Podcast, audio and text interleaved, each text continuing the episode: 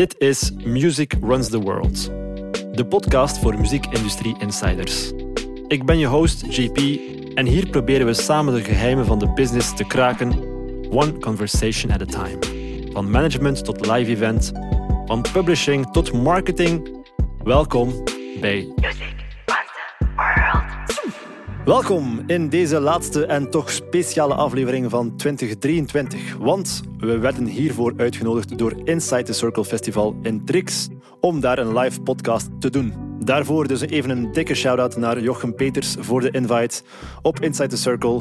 Een mooi initiatief om de muziekindustrie samen te brengen. Ik had daar het genoegen om niemand minder dan Hans Machiels, a.k.a. Murdoch, aan de podcasttafel te mogen ontvangen. Na 20 jaar carrière als DJ-artiest en al 15 jaar bezieler van een van de grootste indoor bass events van de wereld, gaat Hans nog steeds keihard. Een man dus met leuke verhalen en interessante nuggets to say the least. Let's go! Dag Hans. Hallo Jean-Philippe, goeiedag. Het is voor mij ook een, eh, een keer een andere setting. Volledig in tricks. Live. In de, Eh, in de abattoir, in eh, ja, het, eh het uitzendhol van Faisal en zijn kornuiten. ja, dus het is, het is super. Hoe is het met jou? Zeer goed, zeer goed. Het zijn fantastische tijden. We zijn, we zijn uit COVID en terug, in, Ja, terug, ja, terug op kruissnelheid. Dus ja, heel goed eigenlijk. Ehm, voor de mensen, nou, veel mensen zullen jou wel kennen, maar voor de mensen die jou niet kennen, wat is één ding dat jou typeert als persoon? Wow, dat is al ineens een moeilijke vraag. Ehm, Ja. Dat is zoiets dat je, dat je eigenlijk liever andere mensen over je laat zeggen dan dat je dat zelf moet zeggen, toch? Want Ik ga sowieso iets Ik kan het niet zeggen. Ik ga sowieso iets positiefs proberen te zeggen. Ehm, ah, ik weet niet, gedreven denk ik. Ja. Als ik zo één woord moet kiezen of één eigenschap moet kiezen. Nee, dat, dat makes sense als, als je toch je, je carrière bekijkt. Ehm, want nu ben je bijna 30 jaar DJ-artiest. Eh, Yes. bijna 15 jaar Rampage, Yes. event, twee labels. Mensen gaan jou waarschijnlijk vaak zien als artiest, maar als ik kijk naar jou, dan zie ik ondernemer. Van waar komt die ondernemersdrang?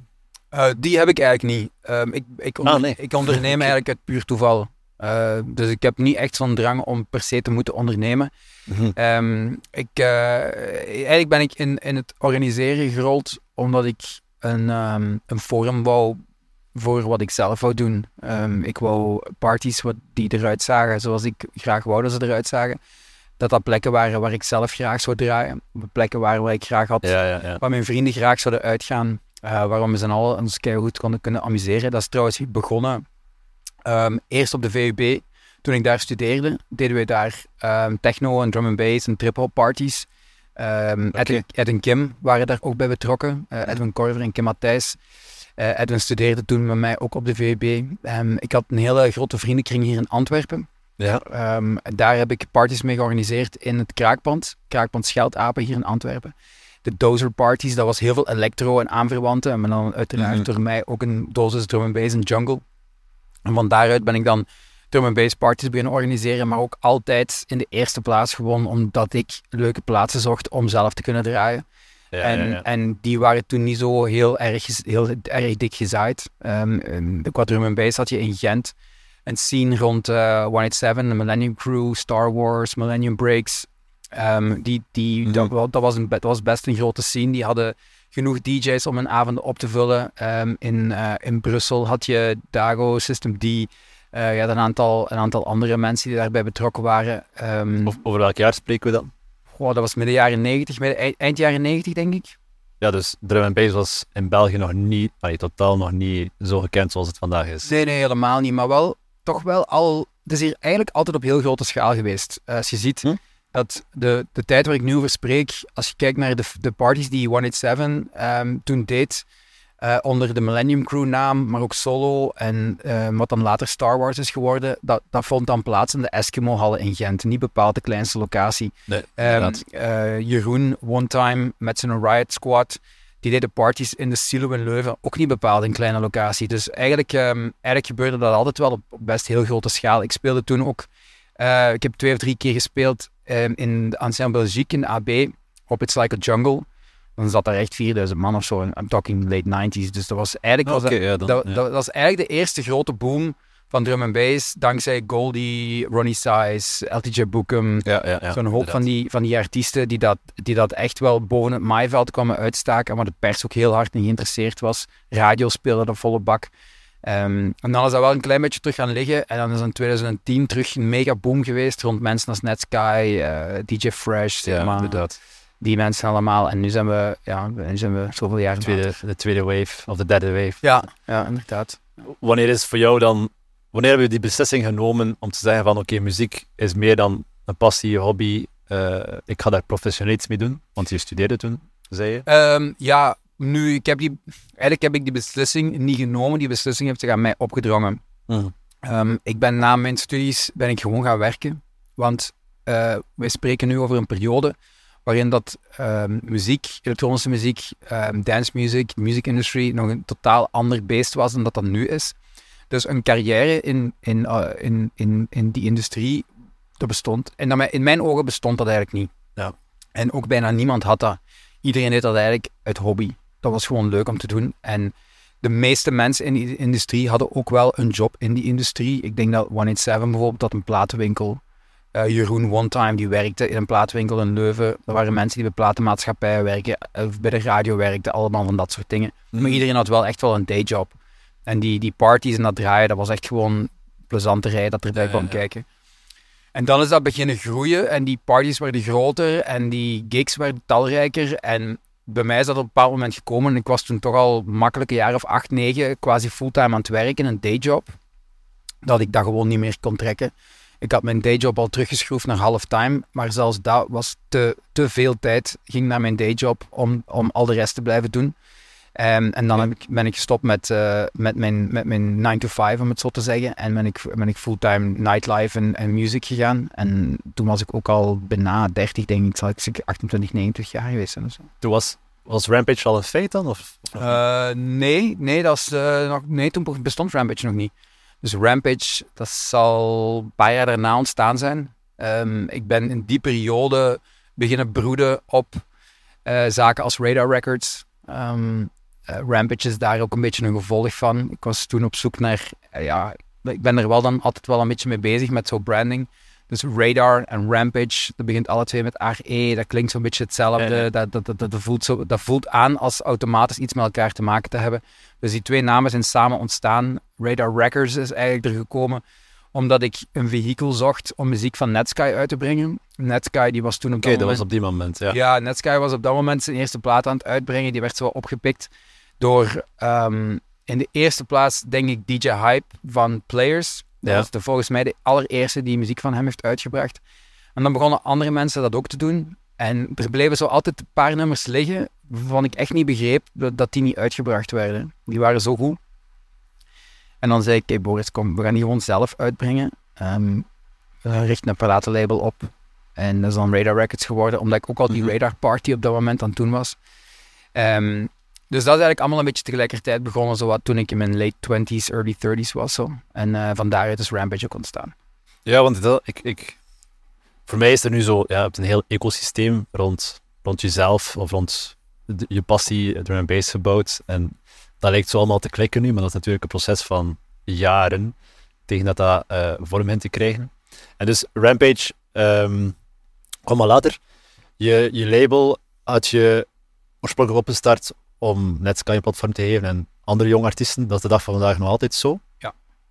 Ehm, en nu is daar ook ehm Rampage Records bijgekomen. Ja.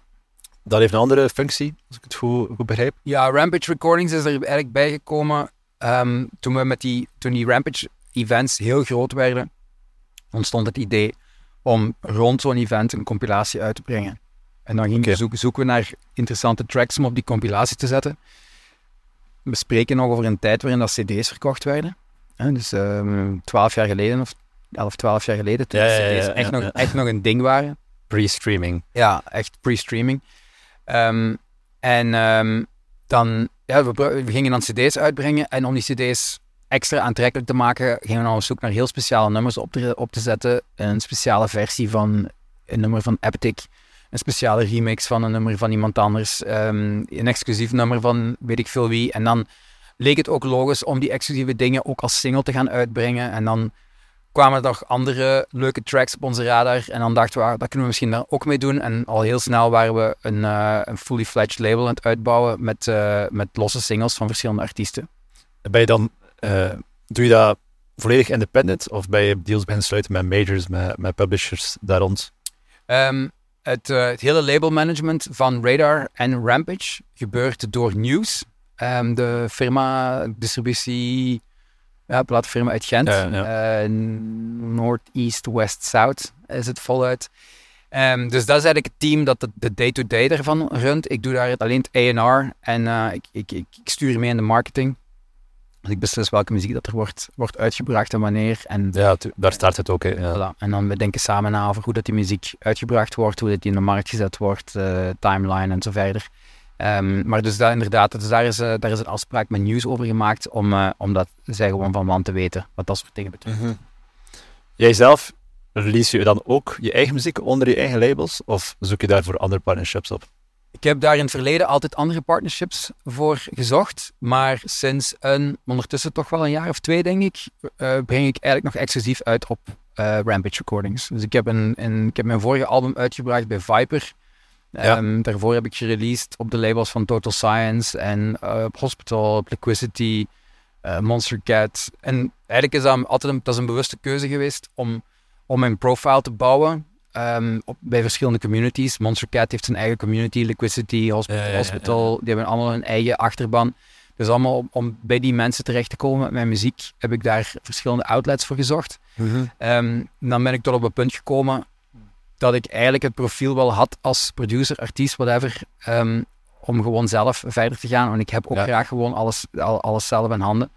En eh, sindsdien doe ik alles gewoon op Rampage Recordings en daar kan ik van A tot Z alles zelf bepalen. En zo heb ik het eigenlijk heel graag. Ik denk dat dat een droom is voor veel artiesten om te zeggen van eh, ik controleer alles en het, het gaat naar, naar waar het moet gaan. Ja, ja, ja, ik kan het me voorstellen. Ja. Ik, vind het alleszins, ik vind het alleszins ook een droom om op die manier te werken. ja. Ehm, je, er komt binnenkort een tweede album aan. Ja. Eh, en je eerste album, dat was 20 2019, als ik me niet vergis, denk ik. Ehm, ik vroeg mij af, dat is- gewoon een persoonlijke vraag. Je, je bent al zo lang bezig. Waarom heb je zo lang gewacht? Om, of waarom is het pas in 2019 echt een, een full album gekomen van, van Murdoch? Ehm, goh, waarom is dat? Ik denk dat dat aan de eerste plaats te maken heeft met de, de goesting om dat te doen. In de tweede plaats heeft dat ook te maken met de mensen waar dat ik mee werk. Dus ik heb ehm, voor mijn eerste album heb ik quasi alle nummers gemaakt samen met Willem van der Stichelen, die dat ook vroeger drum bass uitbracht onder de naam Doctrine. Ja. En Future Bass onder de naam Hush. En nu vooral Ah, oké. Ja, ja, ja, ja. en nu vooral achter de schermen produced. En het is eigenlijk een soort van... Eigenlijk waren wij, wij waren eigenlijk een duo. Dus Murdoch was eigenlijk een producers duo. Oké. En wij maakten muziek waar dat hij als artiest eigenlijk geen, geen interesse had om zich mee naar, om, om mee naar buiten te treden, laten we het zo zeggen. Ja, Dus ja. hij maakt, Willem maakt gewoon heel graag muziek. Alle soorten muziek. Dat mogen slagers zijn, dat mag disco zijn, dat mag metal zijn, dat mag drum en bass zijn, dat mag van alles zijn. Als die maar muziek kan maken, is die blij. En Hm. eigenlijk moest het tot op het punt komen dat ik iemand vond waar dat ik gewoon heel goed mee vibede in de studio. Ik krijg mezelf solo niet tot het punt om een nummer af te werken. Ik ben daar iets te ADHD voor. Ik heb er eigenlijk ook niet genoeg tijd voor. Als je mij niet vraagt... Dus wat, wat, ik, wat ik eigenlijk doe met Willem, dat is studiodagen afspreken. En in die studiodagen doe ik niks anders als muziek maken met hem. En als ik die dagen niet afspreek, ben ik honderd andere dingen aan het doen. Als ik bij mij, bij mij thuis of op mijn kantoor Mhm. ga zitten en ik zeg vandaag ga ik alleen muziek maken, dan ben ik binnen het half uur iets anders aan het doen. Komt er een telefoon Ja, binnen, ja. iemand komt mij storen, er komt iemand me iets vragen, iemand komt, er komt een interessant aanbod binnen, up, en ik ben met iets anders bezig. Ik ben er gewoon te ADHD voor. Maar als ik met Willem Ja. samen zit, dan kunnen wij 10, 12 uur een stuk muziek maken en dan maken we soms op, drie, op een ene dag drie nummers. Oké, ja. En dan is dat echt, dan komt, dan komt het er gewoon Je, uitgerold. hebt, Dus- je hebt iemand die jou bij de les houdt van. Ja. Ja, ja. en met wie het ook gewoon echt heel leuk is om muziek te maken. Ik zit, eh, ik zit met alle plezier 12 uur met Willem in een kamer. En dan heb ik mij rot geamuseerd. En hij ook. En we hebben een fantastische dag gehad. En op het einde van de dag hebben we ook nog altijd een heel mooi resultaat. Dus wat ik eigenlijk al jaren doe, dat is plannetjes maken in, bij mij thuis. Ik heb een idee voor een track. Ik typ die melodie gauw uit. Ik heb een idee voor een drum, ba- drum break. Ik Mhm. maak die rudimentair gauw. Ik zet dat allemaal klaar, ik sla dat op in mappen en dan spreek ik met Willem af en dan beginnen wij en dan beginnen we dat allemaal uit te puren en uit te werken tot dat dat een finaal resultaat is. En eigenlijk, want als ik er nu over nadenk, dan moet ik eigenlijk zeggen, eigenlijk is het door Willem dat ik er pas laat aan ben begonnen. Ja, ja, want het is, allee, het is geen... eh, het is leuk dat het... Want de tijd heeft wel succes gehad. Eh, het heeft je ook, denk ik, met drum bass ook weer in de mainstream gebracht. Ja. Zeker. Met wat, met wat hits. Ehm, wat heeft Rampage gedaan voor jou als artiest? Voor jouw brand? Ehm, ik denk dat, mij, dat dat mij als artiest relevant heeft gehouden. Dat ehm, het idee dat, dat ik Rampage stuur, altijd op Rampage aanwezig ben, op Mhm. Rampage mij ehm, als showcase kan gebruiken, als platform kan gebruiken, dat dat mij als artiest continu relevant heeft gehouden. In de ogen van het publiek dan, denk ik. Ja, ja, ja. Ja.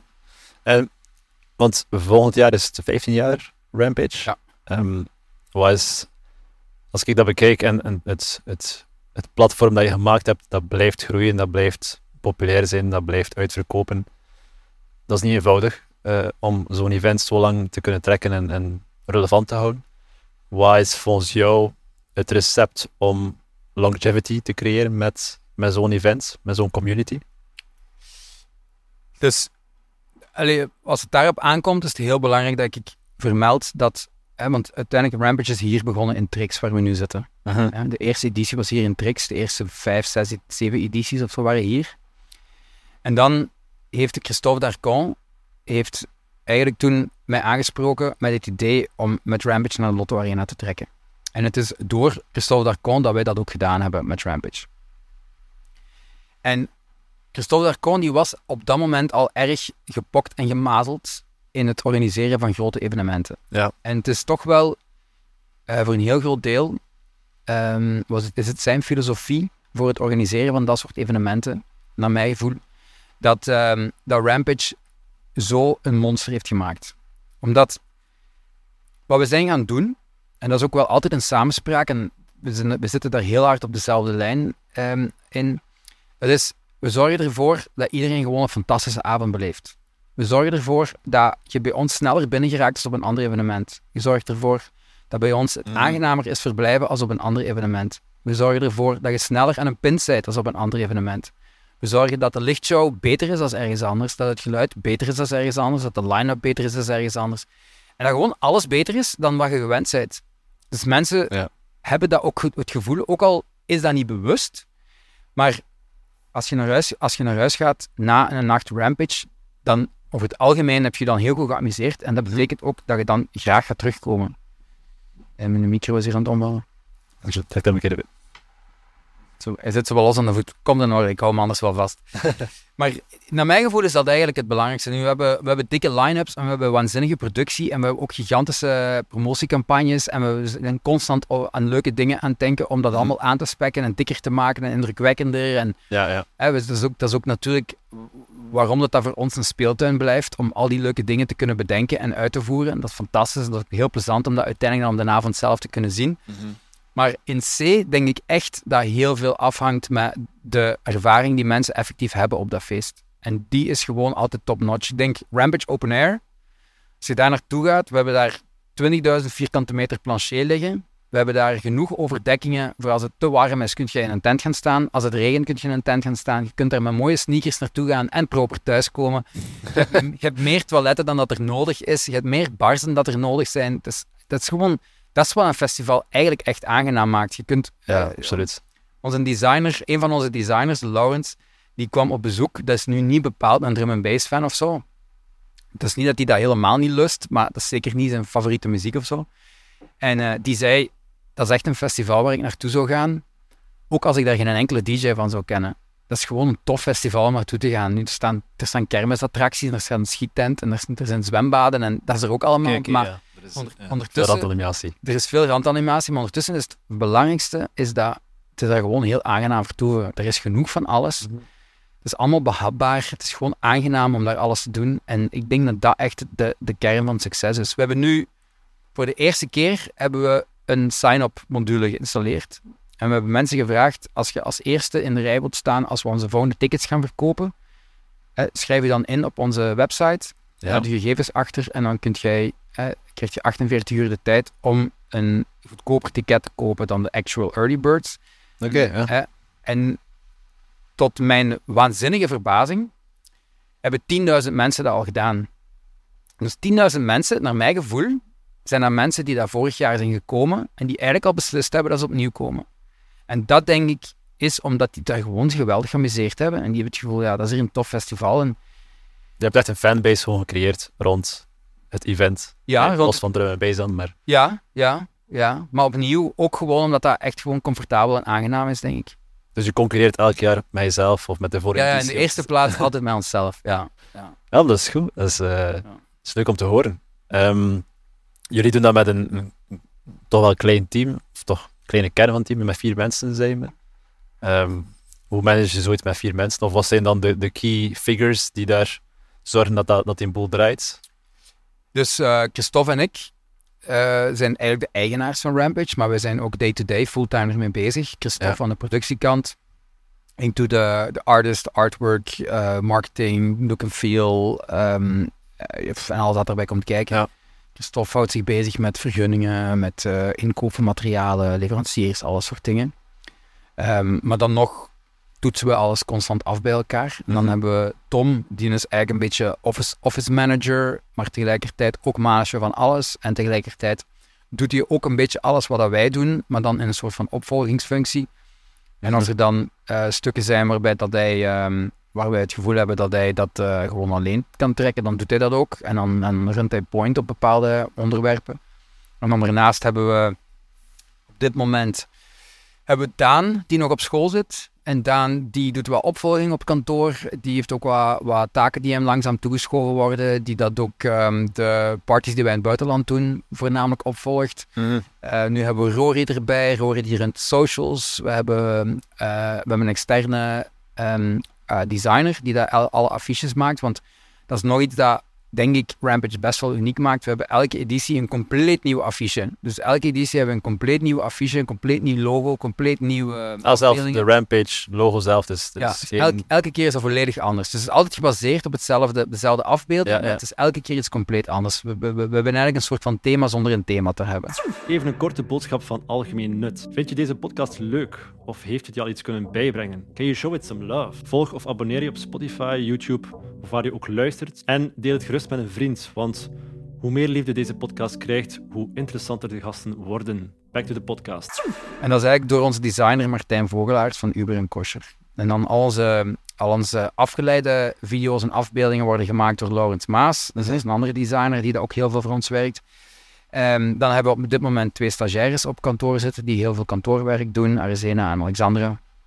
En eh, dat is momenteel hoe dat ons team in elkaar zit. Maar de meeste van die mensen werken eigenlijk maar twee dagen of anderhalve dag of drie dagen per week voor ons. Dus het core team op dit moment zijn drie mensen, Tom, Christophe en ik, die echt fulltime day-to-day ermee bezig zijn. En zie je daar nog uitbreidingen aan naar de toekomst toe?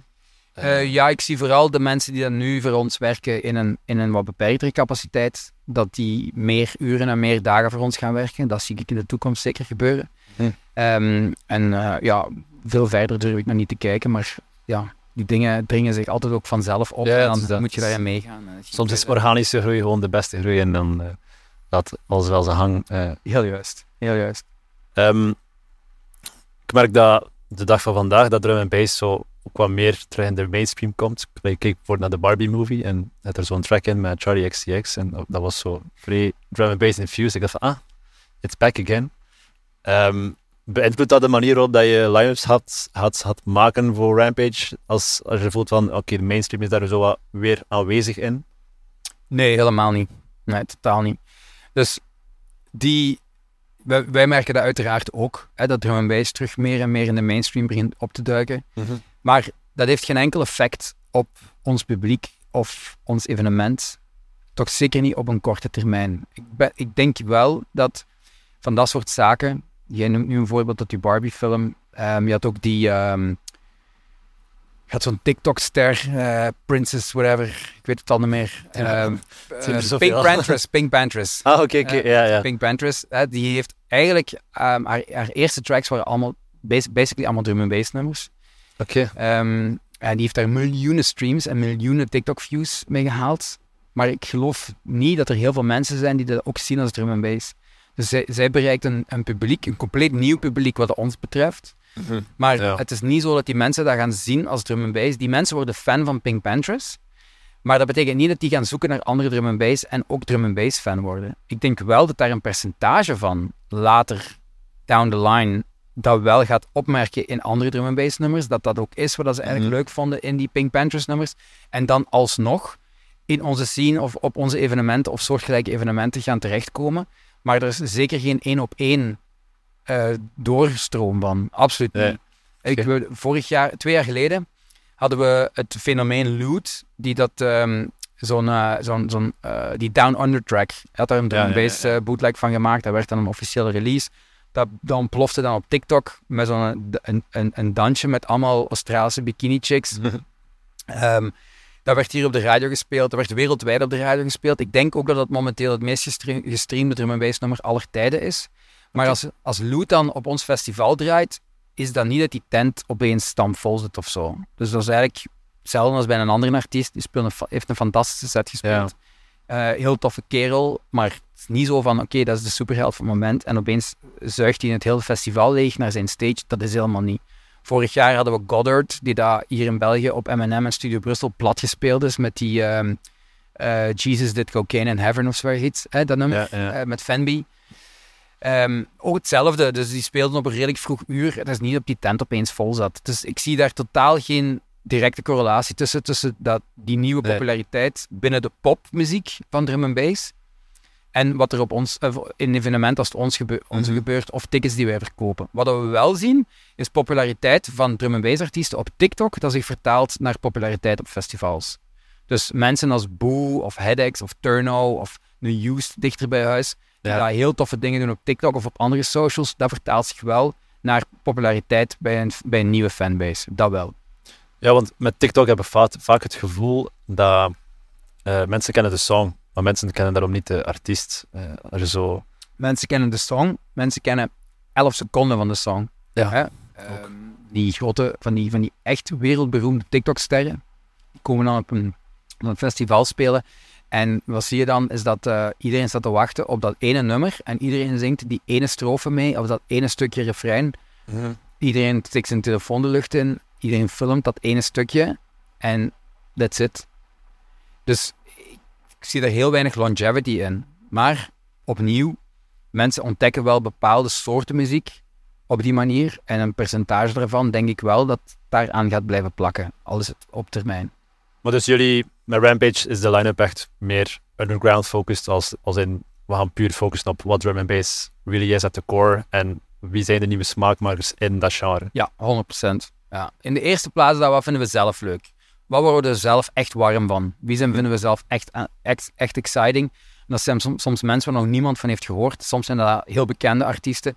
Eh, maar daar beginnen we mee. En dan gaan we ook kijken, wat, wat zien we binnenkomen via onze socials? Waar wordt, waar wordt heel veel naar gevraagd?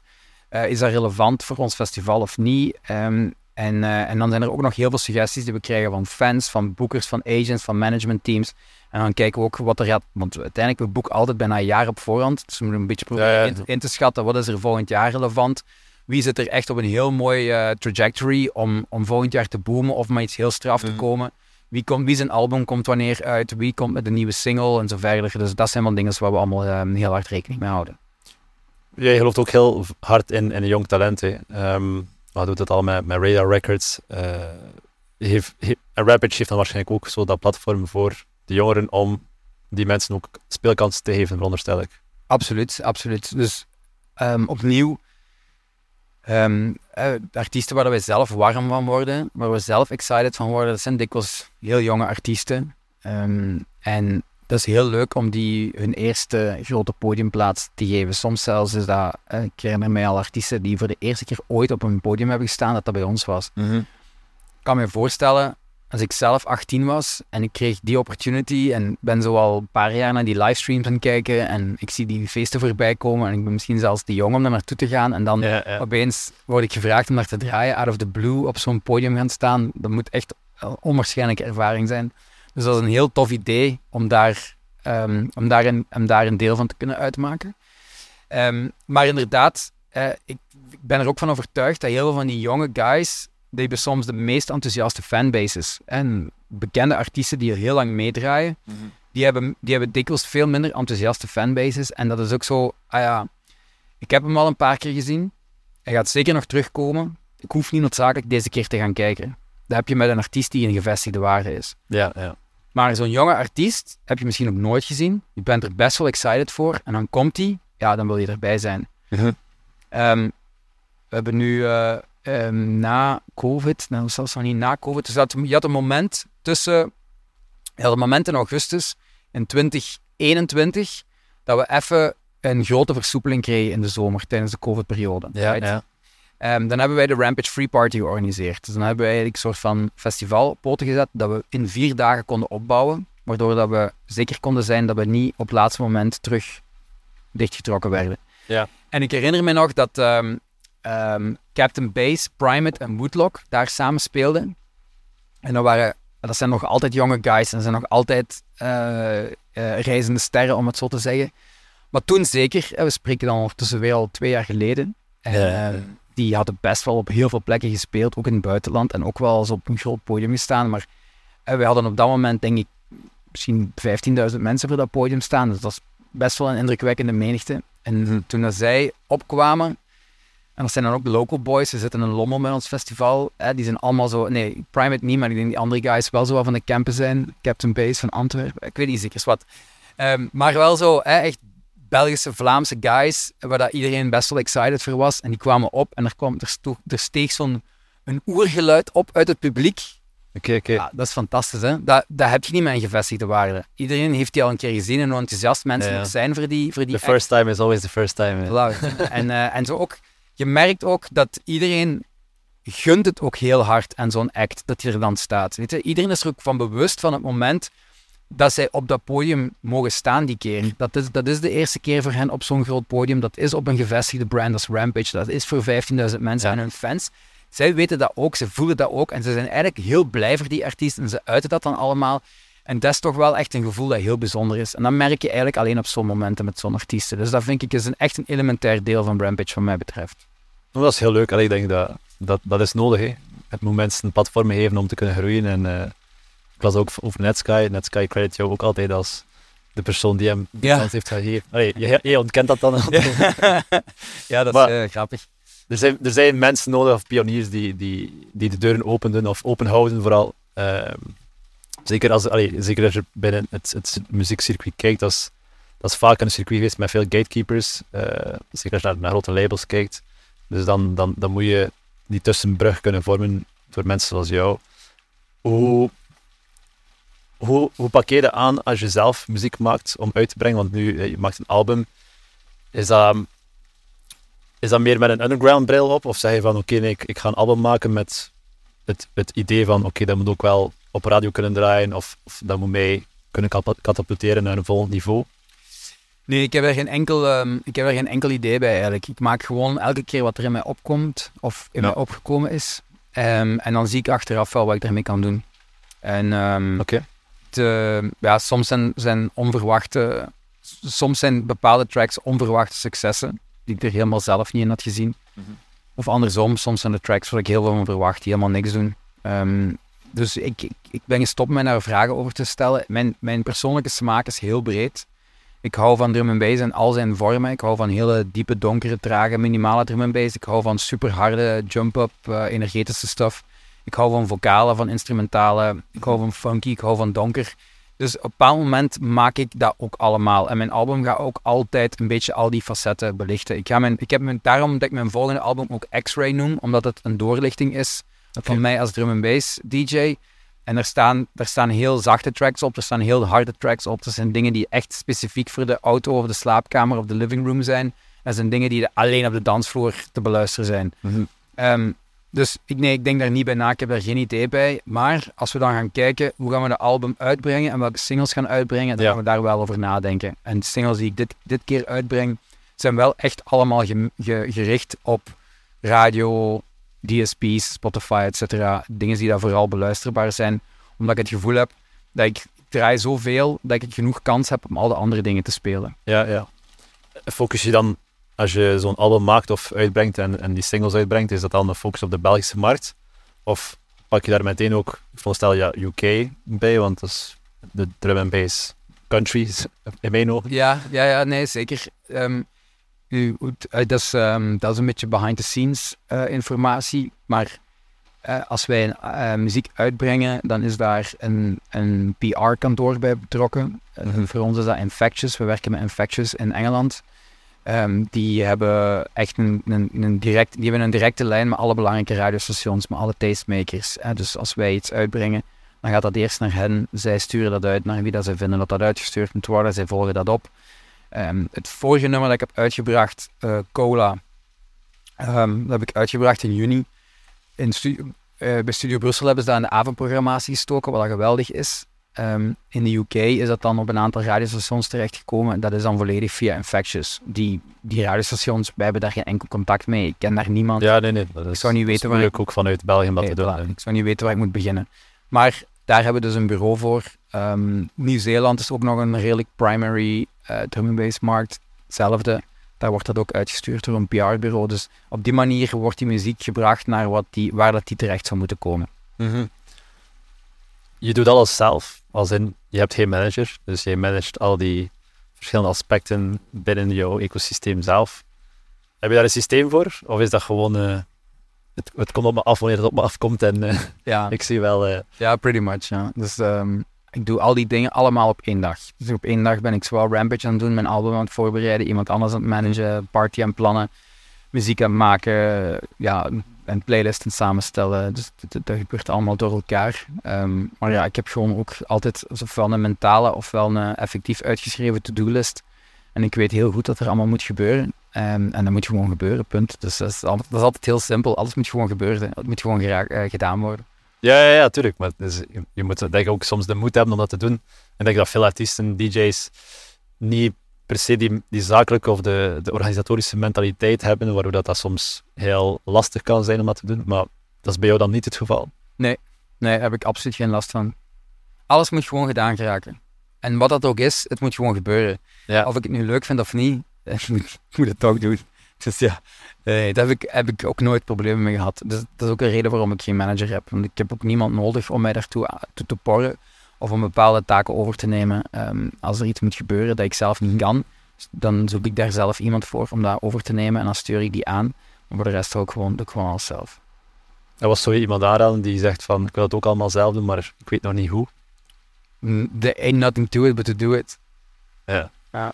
Nu doe je, je doet ook management nu van een, een andere artiest, eh Used. Ja, klopt. Een jonge, jong talent. Ja.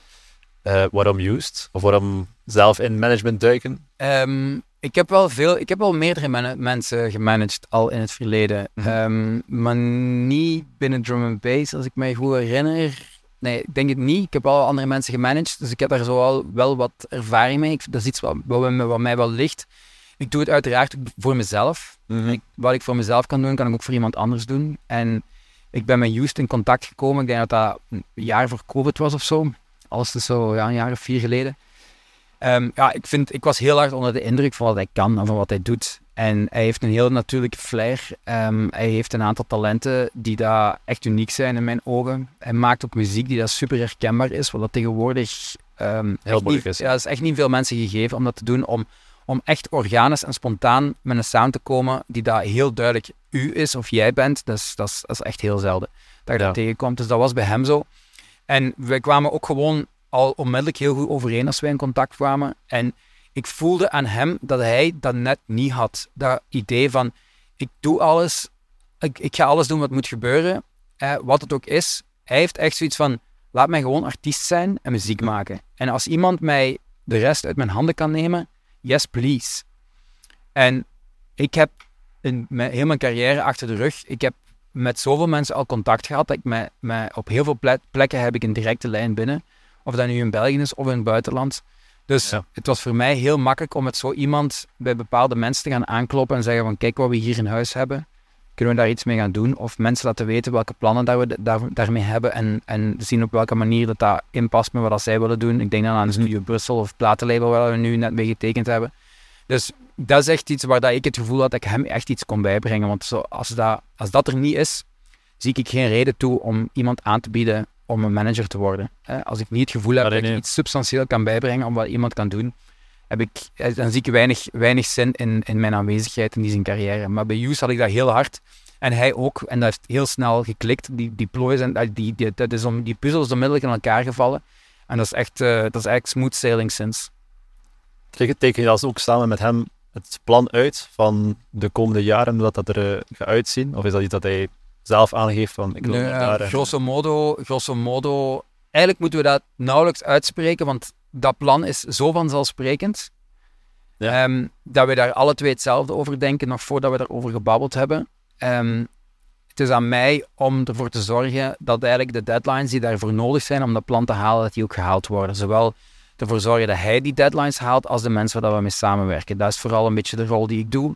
En ervoor zorgen dat we ook dat die eindpunten in het oog blijven houden. Dus de strategie om daar te geraken, Ja. dat we die lijn aanhouden. Dat we ons niet laten afleiden door, door dingen te doen onderweg, omdat dat misschien op dat moment een goed idee lijkt. En wat de trend is? Of, ja, eh, het is, het is het eindpunt dat belangrijk is. En, ehm, en dat is wel een beetje mijn rol om, om op die, op die eh, piste te blijven zitten. Merk je dat met drum en bass? Dat is heel veel instrumentaal. Eh, of als er zang op komt, dan is het ook meestal externe zangers die erop komen. Merk je dat je daar gemakkelijker de grens mee oversteekt? Ik denk voor veel Belgische artiesten, zeker zangers of, bands, is de landsgrens vaak moeilijk te overschrijden om of toch popula- populariteit te winnen. Is dat met drum en bass iets eenvoudiger? Of is dat een potje op dezelfde ehm, struikelblokken? Ehm, drum and bass is daar een... Ik denk dat dat een, een heel specifiek gegeven is voor drum and bass, omdat de UK daar de bakermat voor is. Mhm. En de UK is een, ook een heel apart beestje. Zeker sinds COVID en Brexit is dat nog veel Ja. meer een apart Ja, beestje geworden. Dus waar dat die vroeger al heel hard op een eigen eiland zaten, is dat nu echt een kwadraat. Dus die zijn heel hard teruggeplooid op, op zichzelf eh, sinds, sinds Brexit en COVID. En dat gaat Hm. er niet dadelijk op verbeteren. Eh, je hebt een paspoort nodig om te reizen tegenwoordig. Heel veel Britten hebben zelfs geen paspoort. Mhm. Ehm, je, je hebt een dubbele security check om bijvoorbeeld naar België te komen. Het zijn allemaal dingen die mensen afschrikken. Alles is duurder geworden om te reizen. Dus mensen uit Engeland of, of de UK komen veel minder snel buiten de UK. Mensen uit Europa gaan veel minder snel naar de UK. Ehm, dus voor iemand als bijvoorbeeld Used of Andromatic of Primate of Captain Base of iemand van, van onze kant van, van het kanaal, om het zo te zeggen, ja. is het inderdaad echt niet simpel om voet aan grond te krijgen in, eh, in de UK. Kijk naar Netsky, die dat in mijn ogen toen en nog altijd een van de grootste namen in drum and bass is. Ik denk niet dat hij ooit een daytime hit heeft gehad op BBC Radio 1. Terwijl dat hij miljoenen en miljoenen, misschien zelfs miljarden streams heeft, heeft gehaald. Heel de wereld heeft afgetoerd, de grootste stages heeft gedaan. Maar het is bijna onmogelijk voor zo iemand om een daytime radio hit te krijgen op BBC Radio 1. Laat staan dat het nu gaat lukken, zoveel jaar later, post-Brexit en post-COVID, om iemand van, van ons dat te laten, te, la- te laten ehm, gebeuren. Ehm, dus ja, het is zeker iets waar dat we op landsgrenzen botsen, maar dan vooral op die zeegrens met, met de UK. Engeland, Duitsland, en Frankrijk, Nederland, Duitsland, verder in het, in het Oostblok, verder naar het noorden, verder naar het zuiden. Nee, daar is er geen probleem. Eh, Elektronische muziek is universeel.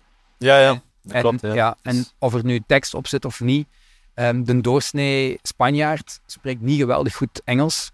Gaat heel veel Engelstalige teksten niet perfect begrijpen. Nee. Maar dat hoeft ook niet, want muziek is een gevoel en als de melodie goed is. Mijn, mijn, mijn oma, bij wijze van spreken, die verstaat ook geen Engels. Maar als hij een nummer leuk vindt, vindt hij een nummer leuk en dan neurt hij dat wel mee. Ja.